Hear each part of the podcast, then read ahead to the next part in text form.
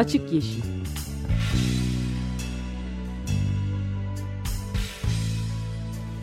Hayatın, politikanın ve sokağın çevre ekoloji gündemi.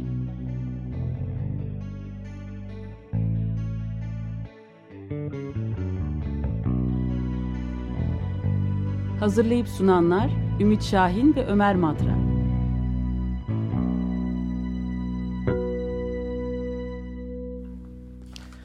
...94.9 Açık Radyo'da Açık Yeşil başlıyor. Ben Ümit Şahin. Ben de Ömer Madra. Ve destekçimiz Ümit Hergüner'e teşekkür ediyoruz.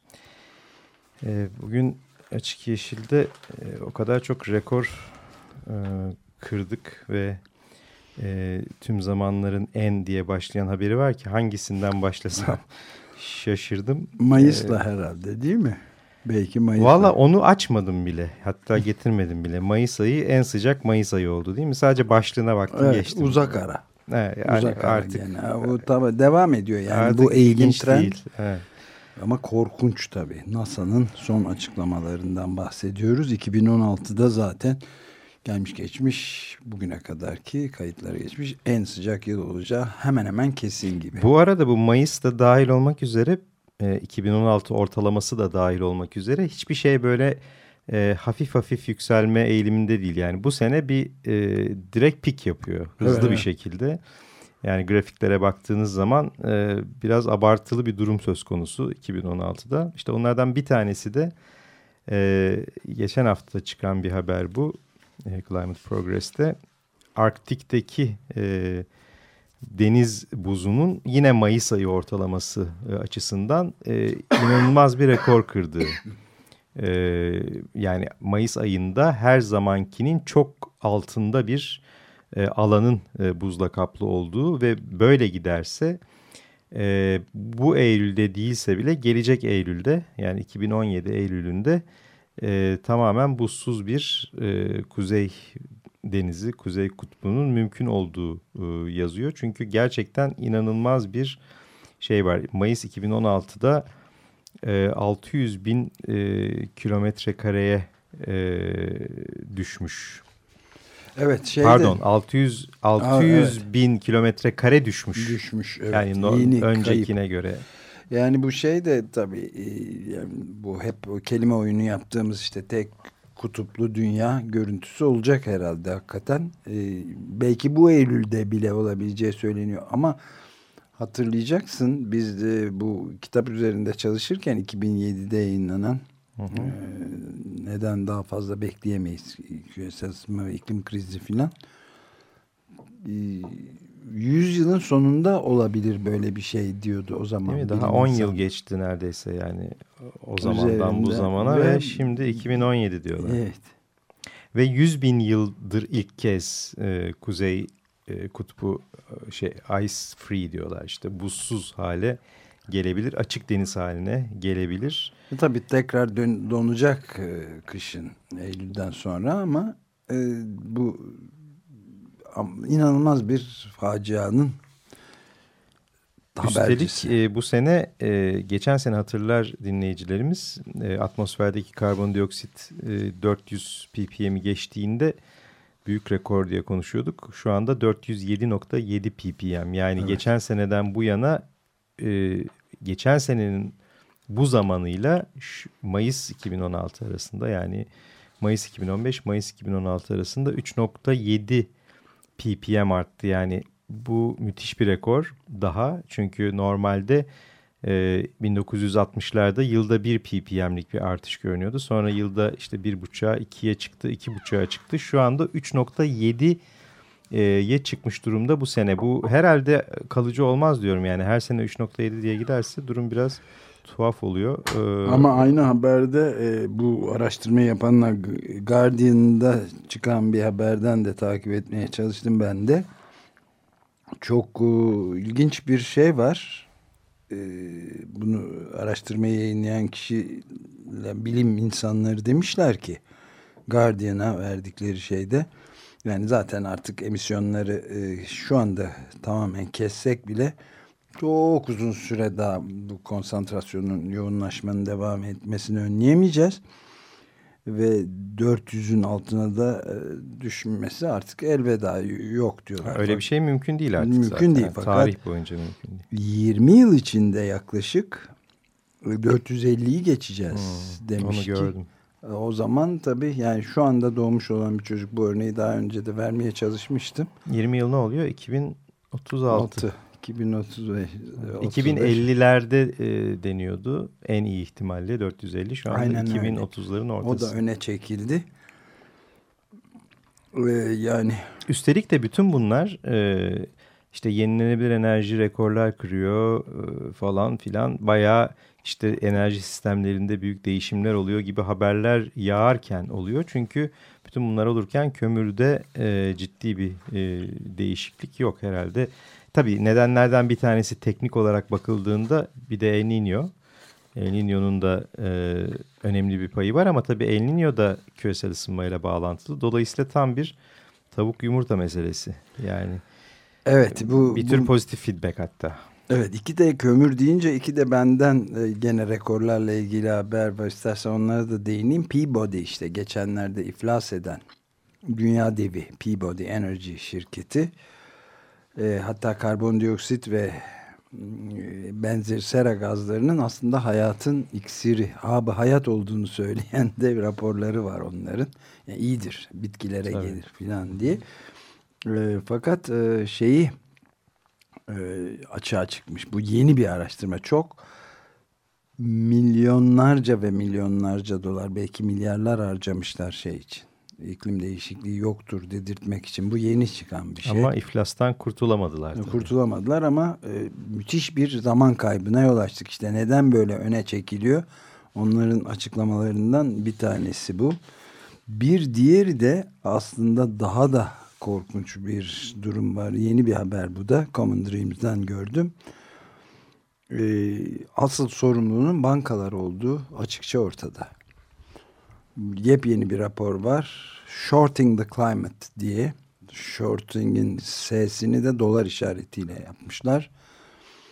E, Fossil Fuel Finance Report Card 2016'nın fosil yakıt finans e, mali rapor e, karnesi mali karnesinde e, araştırmaya göre e, son 3 yıl içinde Citigroup 24 milyarların üzerinde kömür e, şeyini finanse etmiş. Kömür yatırımlarını finanse etmiş. 24 milyar son 3 yıl içinde. Dolar mı? Dolar. Bank of America'da e, ile beraber dünyanın en büyük e, kömür bankaları oldukları ortaya çıkıyor. Tam bir ka iklim kaosunu kürek e, nasıl nereden kaynaklandığını görmek istiyorsa insan bunu görebiliyor. Aynı anda JP Morgan Chase, Barclays ve gene Bank of America 38 milyar dolara yakın bir parayla yatırımla yok e, JP Morgan 38 e, e, Barclays 27 26 buçuk milyar Bank of America'da 24 25 milyar dolara yakın bir parayla 100 milyar etti galiba. evet e, ve şeyi e, aşırı petrol ve doğalgaz yani radikal şeyleri en kirli şeyleri desteklemişler. Asla vaz ve tamamen aykırı Şey gibi bütün katran kumları falan Evet. gibi. Evet. Ve tam bu arkasında onlar var. Yani bu banka boy, boy, başka bir hesap sormaya lüzum yok. Bütün kızılderilileri, denizlerin yükselmesini, ormanların yanmasını, suların, sellerin, felaketin sorumluları burada işte. Bu rapordan görünebiliyor yani açık. Rekor. e, bir rekorda Alaska'dan e, Alaska'nın e, bu ilkbahardaki e, sıcaklık ortalamasının normalden kaç derece sıcak olduğunu biliniz. 10. Aynen öyle. Tam 10 derece daha sıcakmış bu ilkbaharda. E, yani no- normal dediğin herhalde 20. yüzyıl ortalamasına göre e, 10 derece daha sıcak bir Alaska'dan bahsediyorlar. Fahrenheit mi o? Hmm. Ha o zaman oldu ya. Daha çok değilmiş. Çok değilmiş ama ben tabii nereden Common Dreams'ten okuyorum. O yüzden ona dikkat etmedim. Evet 10 Fahrenheit derecesi daha yüksek. Ya bu ee, görülmemiş bir şey tabii. tabii Muazzam tabii, bir rekor tabii. çünkü e, Alaska yeryüzünün en soğuk ortalamasına sahip olan yerlerinden biri, bölgelerinden biri Kuzey Kutbu'na çok yakın. Kuzey Kutup dairesinin içinde kalıyor bir bazı bölümleri. Evet. Alaska'nın. yani bitmiş bitmiş durumdalar yani. Ee, bir başka ilk haberi de e, şeyde e, Yeşil Gazete'de okunabilir. İklim değişikliği ilk kez bir memeli türünü yok etti. Evet. Ee, bu bazı gazetelerde ilk kez bir canlı türünü yok etti gibi çıktı. Benim de aklıma hemen şu altın renkli kurbağa geldi tabii. İlk değil yani. Costa Rica'daki evet. tabii tabii. Canım. O hani en meşhuruydu. Çok böyle gösterişli bir hayvan olduğu için sapsarı altın renginde bir hatta böyle turuncuya yakın evet, değil mi? Bir kurbağa. Muazzam hafif şeffaf bir cildi. O yok mesela artık. O yok olalı 10 sene oluyor. Ve bulunduktan keşfedildikten de bir 10 sene sonra evet. yok oldu. Yani öyle bir kurbanın varlığı da bilinmiyordu. İlk bulanlar tekrar gidip ne yapıyorlar diye görmeye gittiklerinde bir tane buldular. O da öldü ve son bundan sonra hiç görünmüyor. Şimdi ölen e, ölen demeyelim. Türü yok olan e, me, hayvan ise bir memeli ilk kez mozaik kuyruklu fare Avustralya'nın Queensland sahili açıklarında üstelik de e, yine yok olmakta olan büyük mercan resiflerinin endemik türüymüş. Evet, endemik, bir tek orada. Tek endemik memelisi buymuş o resiflerde yaşayan. Bu da e, suların yükselmesi sonucunda yaşam alanı ortadan kalktığı için yani doğrudan doğruya iklim değişikliği. Başka herhangi bir nedeni yok. E, türü ortadan kalkmış en son 2009'da görülmüş e, bu hayvanda. Mozaik Çok kuyruklu fare de. Bir evet. hayvan aslında bakıldığı. O da gitmiş durumda. Yani böyle bir ilkler ve şeyler haberleri yağıyor gerçekten. Yani Şöyle hakikaten doğru düzgün bir haber bulabilecek cehennemin diye. eşiğindeyiz yani. Ben de iyi haber olarak işte 2015 mesela nük, e, nükleer demişim yenilenebilir enerjideki bütün rekorların kırıldığı bir yıl oldu ama yetmiyor. Aynı Çünkü şey bankalar rekor kırıyorlar. Aynı şey Bloomberg'un Bloomberg New Energy Finance'in bu konulardaki en e, sağlam şeylerden bir tanesi araştırma kuruluşlarından. Onların yayınladığı bir rapor var. Onlara göre e, 10 yıl içerisinde hatta 10 yıldan daha kısa bir süre içerisinde kömür ve doğal gaz e, kesin düşüşe geçecek diyor. Yani artık herhangi bir şanslarının kalmadığını. Kalmadığını evet. 2040'tan itibaren e, toplam kurulu gücün yüzde 60'ını e, emisyonsuz kaynakların, sıfır emisyonlu kaynakların oluşturacağını ve e, toplam elektrik üretiminin de üçte ikisini yüzde 64'ünü e, yeni kurulanların e, önümüzdeki 25 yılda tamamen yenilenebilir kaynakların daha doğrusu rüzgar ve güneşin oluşturacağını söylüyorlar. Burada da iki tane çok önemli dinamiği e, vurgulamış e, bu raporu özetleyen Joe Rom e, Climate Progress'te. Bir tanesi geçen hafta da çok az konuşmuştuk. E, güneş enerjisinin e, fiyatındaki hızlı düşüş 2008'den bu yana sadece 2008 yani 8 senede yüzde 80 Evet, ee, bir düşüş. Düşüş yani. 1976'ya göre de yüzde 99 düşmüş fiyat yani neredeyse yani sıfırlanmış o zamana göre. Ee, ikincisi de e, kapasite faktörü hikayesi. Bu kapasite faktörü de çok önemli çünkü siz mesela 1 megawatt ya da 1 gigawatt bir rüzgar ya da güneş santralı yaptığınız zaman bu 1 gigawattlık nükleer ya da kömür santralına denk gelmiyor. Çünkü nükleer ya da kömür santralları sürekli çalıştığı için onların kapasite faktörü yani sürekli elektrik üretme şeyi daha fazla yüzde diyelim 60-80 arası. E, rüzgar güneşin ise çok daha düşük yüzde 30, yüzde 20, yüzde 30 fakat kesintili bunda da kesintili.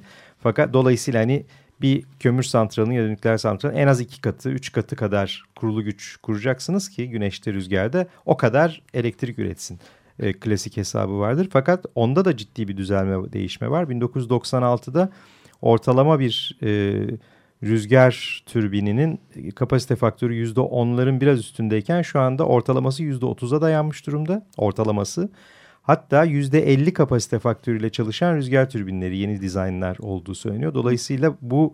%50 muazzam bir evet, şey. %50'ye Teksas'taki bazı rüzgar türbinleri %50 kapasite faktörüyle çalışıyormuş. Dolayısıyla bu çok hızlı da artan bir teknoloji yani hızlı gelişen bir teknoloji. Bunda da önemli değişiklikler olacak gibi görünüyor. Evet ama bunu sen gel de e, City Group'a anlat. E, Bank of America ve dünyanın bütün bankaları desteklemeye devam ediyorlar. Milyarlarca dolar akıtıyorlar kömür yatırımlarına. Aynı zamanda petrol en aşırı yani katran kumulları gibi yani düşünülmesi bile mümkün olmayacak kirlilikte şeylere yatırım yapmaya devam ediyorlar. Ama yine de bir, bir iyi şey daha söyleyeyim. Ee, Arktik'teki bu Çukçi denizindeki son e, petrol şirketi de çekiliyor e, olduğunu açıklamış. Bu İspanya'nın e, Repsol şirketi Shell'den sonra ve diğerlerinden sonra Repsol'de çekilmeye başlamış Arktik'ten. E, hiçbir anlamı kalmadı karlı değil falan diye. Dolayısıyla en azından Kuzey Kutbu'ndan e, petrol çıkarma planları şimdilik e, yalan olmuş gibi bir görünüyor. Bir dakika bir dakika. Eyvah. yeni leasingler yapmayı düşünüyormuş Obama yönetimi fosil yakıt şirketlerine ve sosyal şeyi de 179 milyar dolara. Nerede? Kuzey Kutbu'nda Kuzey mı? Kutbu'nda evet. Ve Hillary Clinton buna izin vermez bence. Aa, tabii tabii. Yani bayağı yeni bir rapor. Greenpeace, e, Amerika Greenpeace'de Oil Change International gibi iki tane çok ciddi kuruluşun raporunda e, bayağı e, ciddi bir 2017'den 2022'ye bayağı leasing yapılacağı şeyleri var. Obama giderken böyle bir miras da bırakabiliyor yani. Ve adam yani insanlara maliyeti bunun hepimize maliyeti 180 milyar dolar olacak aşkın. Böyle de bir rekor var. İki hafta önce Açık Yeşil'de e, şeyden bahsetmiştik e, hatırlarsınız. E, Denizlerin Ahengi gemisinden. Orada evet. da bir sözümüz vardı bir e, parça için. Şimdi tam da onu çalalım mı diye düşünürken iki gün önce yeni bir haber çıktı The Guardian'da. Ah, onu görmedim. Ee, bu da şey diyor cruise aşk gemi, gemisi. Yani cruise yani aşk gemisiyle yapacağınız tatiller ne kadar çevre dostu biliyor musunuz diye e, yeni yapılan Friends of the Earth'in yaptığı bir araştırmadan bahsediyor ve her türlü işte hem karbon emisyonları hem ya, özellikle bu çok dev dizel motorlarıyla çalıştığı Dört için. katlıymış ya. Dört katlı o, apartman. Bu genel, genel olarak bütün hepsine motoru. bakmış. Yani 24 milyon yolcu taşıyacakmış bu yıl. 220 e, gemiden bahsediyor. Yani pardon 220'den fazla gemiden bahsediyor. Ee, ve 2010'a göre 5 milyon yolcu artışı var. Yani insanlar da hızla bu cruise e, gemileriyle tatile doğru kayıyorlar ama bunun e, pek de çevreci olmadığı işte bu e, denizlerin ahenginin 10 e, bin nüfuslu bir kent gibi denizde dolaştığı ve dev bir 5 milyon, dizel günde 5 milyon aracın çalışmasına, çalışmasına bedel yak, yakıyor. Yakıyor ve salım işte yapıyor. Oldukça da kirli bir hatta en kirli mazotu yakan gemiler falan neyse bundan bahsederken de Southampton limanından yola çıktığını hmm. ve Southampton limanının da halkının da aslında bu kirliliği ciğerlerinde hissettiğinden bahsetmiştik. Oradan şimdi bir e, o zaman aklımıza gelen e, sözümüz vardı. Şarkıyı bugün çalalım. Pink Floyd'un The Final Cut albümündeki Southampton Dock. O da e, savaşla ilgili bir şarkı. Karaya 40, 45'te karaya çıktılar e, ve ne bir konuşan ne de bir gülen oldu. Ve sırada da çok sayıda boşluk vardı diye başlıyor e, şarkı. Sonra aralarda işte Southampton rıhtımında duruyor elinde mendiliyle. E, en sonu da şöyle bitiyor ve savaş bittiğinde tükettik onların yapmış olduklarını ama kalplerimizin en derininde o son darbeyi hissettik. Disembarked in 45 and no one spoke and no one smiled. There were too many spaces in the line. And gathered at the cenotaph,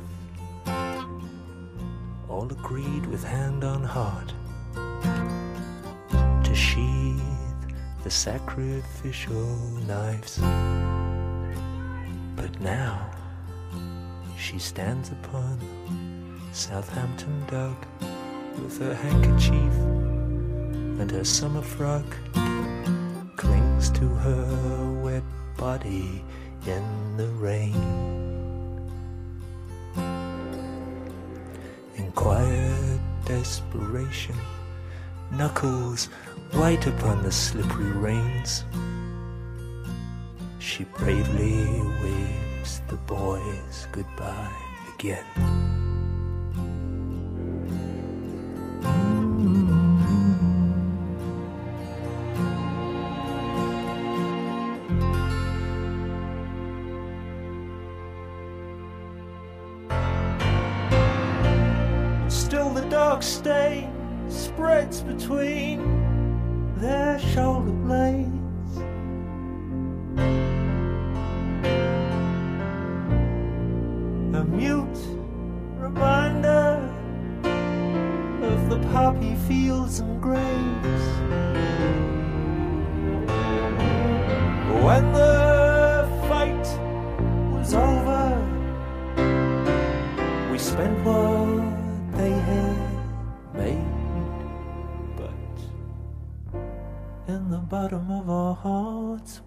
The final Southampton Duck, Pink Floyd'un e, The Final Cut albümünden geldi. E, biz Southampton sakinlerine yolladık ama aslında savaş karşıtı bir şarkı tabii. Onlar da ee, protesto ettiler zaten bu geminin evet. limandan ayrılmasını. Güle güle bir daha da asla gelme dediler. Denizlerin Ahengi gemisine. 16 katlı. Motoru sadece 4 katlı bina büyüklüğünde. Bize. Ama şimdi e, iyi bir uygulamadan bahsedelim. E, hmm. E, çok az bir zamanımız olsa da e, geçen hafta yine Açık Yeşil'de e, olamadım. E, nedeni de yine bir araştırma için e, bu kez Belçika'daydık. E, Yeşil Düşünce Derneği ile İstanbul Politikalar Merkezi'nin beraber yürüttüğü Avrupa Birliği Sivil e, Toplum Diyaloğu e, tarafından desteklenen bir araş, projenin araştırması. E, bu yani işin özünde projede daha sonra sonuçları çıktığı zaman da zaten konuşuruz detaylarını ama e, Avrupa Birliği'ndeki bazı ve Avrupa ülkelerindeki iklim dostu denebilecek uygulamaların e, Türkiye'de uygulanabilirliğini araştıran e, işte oradaki gidip oradaki bazı e, sivil toplum örgütleriyle ve politikacılarla görüşüp e, ya da uygulamayı yapan çiftçilerle, e, enerji kooperatifleriyle falan görüştük.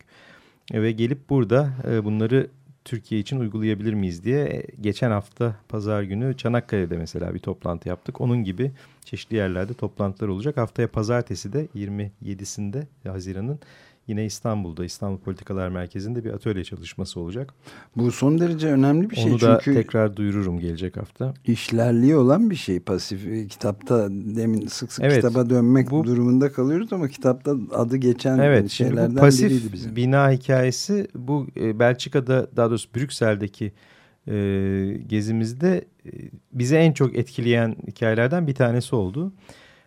Yani çok basit olarak şöyle bir durum. E, Şimdi pasif ev o zaman da biz konuşmuştuk. İşte evet. pasif bina meselesini. Ee, yıllardır Türkiye'de konuşulur. Aslında yapılmıyor da değil. Hani 3-5 numunelik uygulamada var.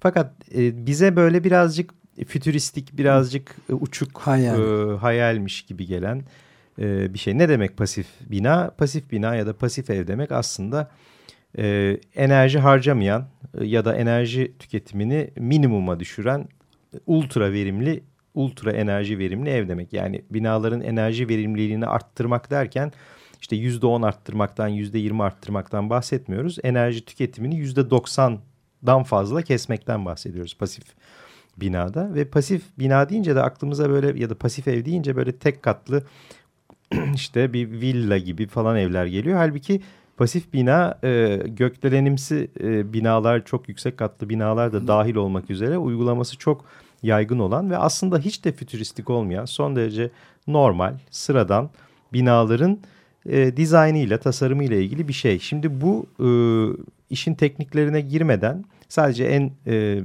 önemli belki teknik detaylardan bir tanesi tabii herkesin direkt düşünebileceği işte iyi bir yalıtım, e, işte hava dolaşımının kısıtlanması vesaire vesaire. E, kullanılan malzemeyle, pencereyle, çatı sistemiyle, işte binanın çevresindeki bir takım gölgelendirme çalışmalarıyla falan. Yani çok fazla ısıtma ve soğutma ihtiyacı iklime göre, yerine göre Minimalize ediyor. evet doğurmayacak bir şey ve özellikle de gerçek anlamda bir pasif bina olması için herhangi bir klima sisteminin yani soğutma sisteminin ya da ısıtma kalorifer sisteminin kurulmamış olması lazım. Yani buna ihtiyaç duymayacak şekilde yapılmış olması lazım. Bu ısıtma ve soğutmayı da çoğunlukla bu e, yeraltı ısı pompası denen yani yerin 3 ile 5 metre derininde çünkü sabite yakın bir sıcaklık var. 12-15 derece, 10 derece o civarda bir sıcaklık var. O sıcaklığı işte bir su dolaşımıyla e, alıp binanın içerisinden dolaştırarak Basit yani bir pompadan basit bir pompayla yani klima nasıl e, işte bunu yapıyorsa havayla ya da kalorifer nasıl suyla yapıyorsa aslında aynı şeyi sadece toprağın derinliklerindeki sabit sıcaklığı dolaştırarak yaz kış aynı seviyede e, bina içindeki sıcaklığı tutmaya dolayısıyla herhangi bir kalorifer ve klima sistemine gerek duymamaya dayanan bir sistem ama bununla sınırlı değil tabii. Yani tasarımda bir sürü hem malzeme kullanımında hem tasarımda bir sürü numara var. Şimdi bu e, sanki bize yine de bayağı "Aa, zor iş yani nasıl olacak bu işler. Zaten çok da pahalı değil mi bu iş yani. Kim verir o parayı gibi geliyor. E, ama öyle değil. E, Brüksel'de 2004 yılında e, bir yani şöyle söyleyeyim. Brüksel e, Belçika'nın üç bölgesinden biri. E, bir işte Valon bölgesi var. Fransızca konuşulan bir Fla Flaman- bölgesi, Flaman bölgesi, bölgesi var. Bir de Brüksel. Brüksel yani başkentin olduğu Brüksel bir küsur milyon nüfuslu ayrı bir bölge. Dolayısıyla bir eyalet gibi ve ayrı parlamentosu, hükümeti e, falan var. İşte oradaki Brüksel bölgesi deniyor ona. Brüksel bölgesi seçimlerinde 2004 yılında e, orada hep zaten koalisyonlarla yönetiliyor. E, Yeşillerin de içinde olduğu bir e, hükümet başa geliyor ve Yeşillerin e, şeyi de e, hükümete verdiği kişi de Evelyn Hutterbrook bir e, çevre bakanı oluyor. Şimdi biz Ev Evelyn'le görüştük doğrudan doğruya. E, hatta bizi Brüksel'i gezdirdi e, bisikletle. E, bu yaptıkları uygulamaları göstermek için. Ve öncesinde de bize bir sunuş yaptılar. E, işin özü şu, 2004 yılında e, bunlar hükümete geldiklerinde ilk iş iklim değişikliğine neden olan kentlerde en önemli şey nedir? Isıtma, soğutma. Bunu nasıl, e, emisyonları nasıl azaltabiliriz diye baktıkları zaman e, Brüksel'in ve Belçika'nın genel olarak Avrupa'nın ısı yalıtımı en kötü şehri olduğunu görmüşler. Nedense böyle bir şey var. Herhalde nükleer enerji falan da var. Hani yak gitsin. Evet, evet. Ee, bunu değiştirmek için 2004 yılında sıfırdan bir plan başlatmışlar ve bazı pasif bina örnekleri kurmaya başlamışlar. Ee, örnek binalar diyorlar bunu. Ee, ve 2008'de de ilk e, ilk regülasyonu çıkarmışlar binalarda enerji performansı ile ilgili. Ee, sonuç yani hız, çok hızlı geçiyorum. Sonuç şu olmuş. Ee, 2005'ten itibaren 2015'e kadar 1 milyon metrekare pasif bina yapılmış Brüksel'de. Ee, yani yapılan e, şeylerin sayısı örnek bina diyorlar bu. Exem, e, exemplary buildings diyorlar. Örnek binaların sayısı 243'e çıkmış. Bu binaların fotoğrafları var burada. Hepsi bildiğiniz işte kamu binası, apartman e, falan. Yani biz mesela bir tanesini gezdik. Çevre Bakanlığı binasını gezdik. Yeni yapılmıştı. Bu sene açılmış. 8 katlı 650 kişinin çalıştığı dışı cam büyük bir kısmı cam kaplı modern bir bina. İşte bizim e, büyüklük olarak hani İstanbul'daki adliye yeni yapılan adliyeye benziyor ama ondan daha küçük tabii çok daha böyle sevimli ve şey cam yani kullanım açısından falan geniş alanlar büyük avlu var içinde falan. Ve 650 kişi çalışıyor. Herhangi bir ısıtma ve soğutma sistemi yok. Biz oldukça sıcak bir günde içeri girdiğimizde klimalı gibiydi. Ee, ve ayrıca da çatısında bulabildikleri kadar yere güneş paneli koyup içeride çalışan e, diğer elektrikli araçların da üçte birinin elektriğini çatıdaki güneş panellerinden sağlıyorlar. Yani neredeyse sıfıra indiremiyor belki enerji tüketimini ama yaklaştırıyor. Ama asıl ilginç olan şey şu. Bunlar yani e, şey diyebilirsiniz yani ne olacak örnek bina her yerde yapılır. 2008 yılında bir yasa, yasa çıkartarak bütün e, kamu binalarının 2015 yılından itibaren 1 Ocak 2015 yılından itibaren de yeni yapılacak bütün binaların pasif bina olmasını zorunlu hale Zorunlu, getirmişler. Evet, bu bu bir devrimci nitelikte bir karar. Ve bunu Kanun. ve bunu bütün partilerin desteğiyle çünkü kimse başta inanmazken en sonunda bunun gayet mantıklı olabilir bir şey olduğunu üstelik de tabii asıl soru şu. Herkesin biz de direkt o soruyu sorduk. Peki bu pahalı değil mi? Ee, buraya dikkat pasif bina yapmanın Belçika şartlarında e, normal pasif olmayan bina yapmaktan biraz pahalı olduğunu söylüyorlar. Ne kadar? Yüzde beş ile on arası. Ve e, hükümet bunu bu yüzde beş onu şey yapmak için yani bir caydırıcı etkisi olmaması için o fark kadar bir kısmı faizsiz kredi olarak sübvansiyon, sübvansiyon yapıyor. Ve bu sayede herkes e, hiç itiraz etmeden zaten enerji faturaları da elektrik faturaları da çok düşecek tabii pasif bina olduğu zaman. Yani e, yıllar boyu ısıtmaya soğutmaya para ödemiyorsunuz. Bir de işin o kısmı var. Sadece yapım aşamasında yüzde beş on daha pahalı. Yoksa son derece daha... Tabii uzun vadede çok uzun karlı. vadede s- neredeyse sıfıra indiriyorsun. Yani. Muhtemelen onun hesabı da vardır yani Evet. ve e, yapılan yerler de öyle zengin mahalleleri değilmiş Brüksel'in merkezindeki gayet normal e, yani orta halli ma- mahallelerden bahsediyorlar ve işte bir sürü teknik detay var.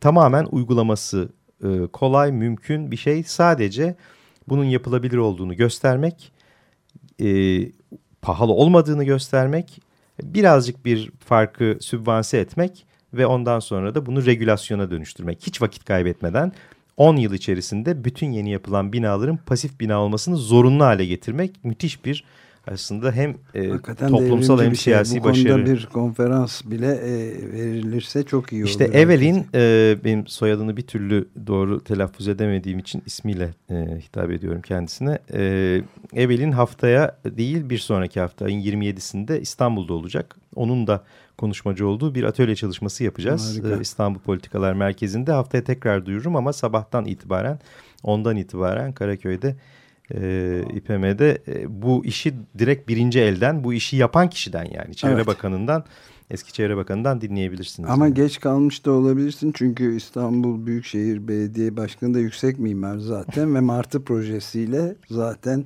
muazzam bir heykel ve Kabataş'taki yara- ma- Kabataş'taki- Martı şey transfer merkezi Ma- değil mi? evet, Pasif mi acaba orası? Pasif tabii canım. Pasif. Pasif Martı e, şeklinde bir e, şey ne diyelim e, İstanbulluları karşılama e, şeyi.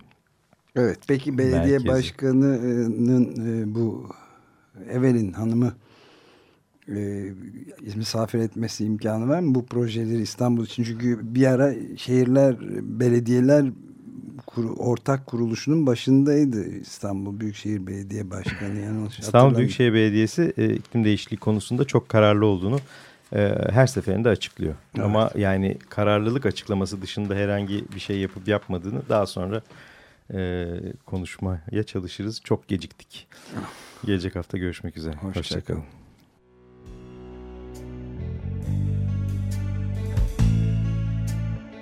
Açık Yeşil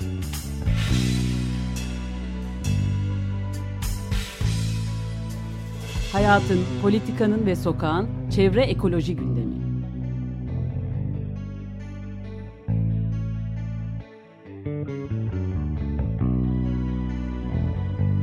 Hazırlayıp sunanlar Ümit Şahin ve Ömer Madra.